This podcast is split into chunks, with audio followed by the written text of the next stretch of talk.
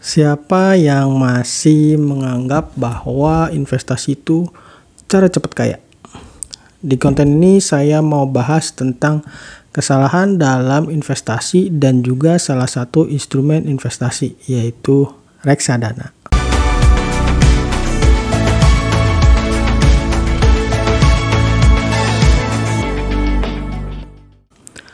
Halo, Aryo di sini. Ketemu lagi sama saya. Seperti biasa, saya akan bahas seputar investasi, pengelolaan keuangan, dan juga bisnis. Yang tujuannya tentu aja supaya bisa bebas finansial.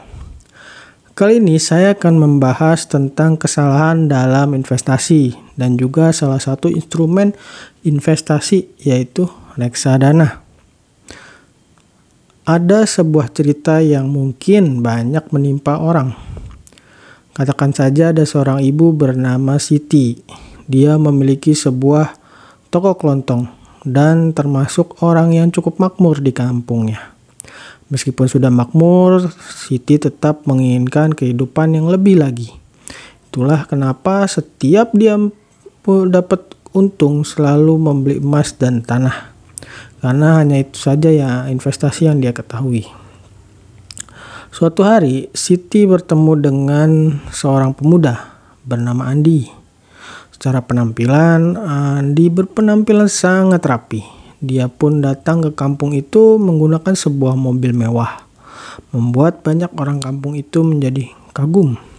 Karena memang di kampung itu hanya sedikit orang yang punya mobil dan salah satunya ya Ibu Siti. Itu pun bukan mobil mewah, cuma sebuah mobil pick up. Melalui bantuan seorang pemuda kampung, Andi berhasil mengumpulkan hampir seluruh kampung. Andi menawarkan sebuah investasi yang akan membuat siapa pun yang investasi dengannya mendapatkan keuntungan. Andi menceritakan bagaimana dirinya bisa sukses, bisa punya mobil mewah yang saat ini dia kendarai. Kemudian dia pun menceritakan tentang investasi yang akan dia tawarkan kepada mereka dengan iming-iming keuntungan 10% tiap bulan. Lalu Andi juga memperlihatkan dokumen-dokumen yang seolah-olah legal. Skema investasi yang ditawarkan oleh Andi adalah skema robot trading. Dia memperlihatkan bagaimana caranya untuk bisa trading di platform yang dia tawarkan. Penjelasan Andi sangat-sangat meyakinkan hingga semua orang yang hadir pun menyimak dengan penuh perhatian. Mengapa lalu mengapa Andi mendatangi kampung tersebut? Alasannya karena kampung tersebut meskipun bukan terletak di kota besar, tetapi kesejahteraan rata-rata penduduknya termasuk kelas menengah meskipun masih jarang yang punya mobil. Hal ini disebabkan karena potensi pariwisata di kampung itu berhasil dimaksimalkan. Selain itu, kebanyakan dari mereka belum memiliki pengetahuan finansial yang baik. Nah, hasil dari pertemuan itu tadi, Andi berhasil menarik cukup banyak orang untuk berinvestasi. Dan salah satu orang yang investasinya paling besar adalah Ibu Siti tadi. Dia bahkan rela menjual sebagian besar emasnya untuk investasi. Beberapa bulan kemudian, Andi mulai sulit dihubungi. Semua warga yang berinvestasi padanya mulai khawatir, terutama Ibu Siti. Mereka nggak tahu di mana keberadaan Andi. Di tengah kekalutan mereka, Andi pun dilaporkan ke pihak yang berwenang. Dan setelah diselidiki, ternyata investasi yang ditawarkan oleh Andi merupakan investasi bodong. Itulah kisah yang banyak menimpa masyarakat kita, di mana banyak sekali orang yang terjebak dengan investasi bodong. Sebenarnya salah satu penyebab dari banyaknya orang yang terjebak investasi bodong adalah rendahnya literasi finansial dari masyarakat kita sendiri. Ditambah dengan keinginan untuk menjadi kaya dengan cepat dan itu diperparah dengan budaya flexing di media sosial. Padahal, investasi itu bukanlah cara menjadi kaya dengan cepat. Memang investasi bisa menjadikan kita kaya, tapi bukanlah cara bukanlah cara cepatnya. Keinginan untuk menjadi kaya dengan cepat salah satunya bisa tercermin dari pertumbuhan para investor kripto. Berdasarkan data dari Bapepti, per Februari 2021 ada 4,5 juta investor kripto. Dan per Februari 2022 tahun ini, investor kripto bertumbuh sebanyak hampir tiga kali lipatnya, yaitu 12,4 juta investor kripto. Padahal investor investasi kripto merupakan investasi yang sangat berisiko. Selain karena aset eh, kripto merupakan aset yang tidak memiliki underlying, pergerakan harganya juga lebih sering dipengaruhi oleh spekulasi. Bandingkan dengan investasi seperti saham atau emas digital yang memang memiliki underlying. Saham misalnya ya sudah jelas ada perusahaannya. Kemudian emas digital yang juga memiliki underlying berupa emas fisik. Kesalahan banyak orang dalam berinvestasi biasanya dikarenakan kurangnya pengetahuan tentang investasi, malas belajar, kemudian sifat FOMO, dan dikombinasikan dengan keinginan untuk mendapatkan cuan yang cepat. Hingga akhirnya menyebabkan kebanyakan orang berinvestasi tanpa tujuan dan dengan cara yang salah. Di antaranya, tidak memahami alasan berinvestasi. Alasan berinvestasi hanya karena influencer dan FOMO itu merupakan alasan yang kurang tepat dalam berinvestasi dan termasuk karena ingin cepat kaya. Jika kamu berinvestasi, maka milikilah mindset dan alasan yang tepat seperti adanya kenaikan harga atau inflasi atau supaya kamu tidak bekerja seumur hidup kamu. Alasan seperti kenaikan harga merupakan salah satu alasan yang cukup tepat karena seperti kita semua tahu bahwa nilai uang itu selalu menurun jika hanya mengandalkan tabungan aja. Maka nilai uang yang kamu miliki ya akan turun. Karena itulah kamu sebaiknya berinvestasi agar nilai aset kamu bertumbuh dan bisa mengalahkan inflasi. Lalu kesalahan yang kedua adalah tidak punya target. Banyak orang yang cuma mimpi tapi enggan untuk berusaha meraih mimpi tersebut.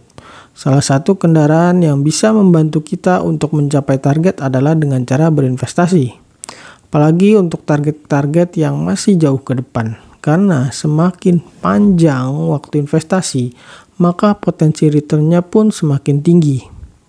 Kesalahan ketiga adalah tidak memahami resiko investasi. Mungkin kamu sudah punya nih keinginan untuk berinvestasi, tapi kamu tetap harus mempelajari setiap instrumennya kamu perlu memahami karakteristik masing-masing instrumen investasi serta memahami resiko investasi. Tujuannya agar kamu tidak terjebak pada investasi yang salah. Kesalahan keempat adalah salah dalam menyisihkan dana investasi. Investasi merupakan hal yang beresiko dan uh, tidak ada di dunia ini investasi yang bebas resiko. Karena itulah, ketika kamu ingin berinvestasi, gunakanlah uang dingin jangan gunakan uang belanja bulanan atau jangan gunakan tabungan pendidikan anak. Dan bagi kamu yang ingin berinvestasi tapi bingung harus mulai dari mana, kamu tuh bisa coba nih untuk investasi melalui reksadana. Saya punya nih beberapa tips untuk berinvestasi di reksadana. Tips yang pertama, kenali terlebih dahulu tujuan dari investasi sebelum kamu berinvestasi, kamu harus tahu dulu tujuan kamu itu apa. Apakah mau jadi kaya, bebas finansial, mau beli sesuatu, dan sebagainya. Karena kalau kamu udah tahu tujuan investasi kamu, maka kamu pun bisa memutuskan kendaraan investasi yang akan kamu pakai itu apa. Yang kedua, buat strategi investasinya. Setelah kamu tahu tujuan investasi kamu, kemudian kamu bisa nih bikin strategi investasinya. Kamu bisa pilih tuh jenis reksadana dan kamu juga bisa memutuskan jangka waktu investasinya. Karena setiap jenis reksadana punya potensi keuntungan dan risiko yang berbeda-beda. Lalu langkah ketiga adalah pelajari pengelola reksadananya. Setelah bikin strategi dan memutuskan jenis reksadananya, kamu perlu mempelajari pengelola reksadananya si itu siapa. Periksa berapa jumlah dana kelolaannya, historis kinerja reksadana yang mereka kelola, profil perusahaannya, serta sejak kapan mereka berdiri. Dan juga jangan lupa untuk memastikan bahwa pengelola reksadananya terdaftar di OJK. Langkah keempat adalah pilih akses dan administrasi yang termudah. Saat ini tuh udah banyak platform yang menyediakan pembelian reksadana. Ketika kamu udah milih reksadana, berikutnya adalah kamu harus menentukan platform yang akan kamu gunakan untuk beli reksadana tersebut. Pilihlah platform yang memang akses dan administrasinya paling mudah serta paling murah biaya-biayanya. Memang investasi merupakan salah satu cara untuk jadi orang kaya, tapi investasi bukanlah cara untuk cepat kaya.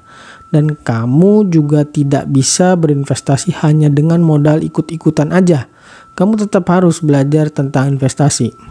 Hati-hatilah dengan janji manis eh, pihak-pihak yang menawarkan investasi dengan return yang tidak masuk akal. Perhatikan apakah tawaran itu terdaftar di OJK atau enggak. Kalau kamu khawatir akan terjebak ke dalam investasi bodong dan belum terlalu memahami tentang investasi, kamu bisa coba investasi di reksadana dulu, tetapi tetap saja harus pelajari juga baik jenis reksadananya maupun pengelolanya. Oke, sampai di sini pembahasan tentang kesalahan dalam berinvestasi dan juga salah satu instrumen investasinya yaitu reksadana. Sampai jumpa di konten berikutnya. Dah.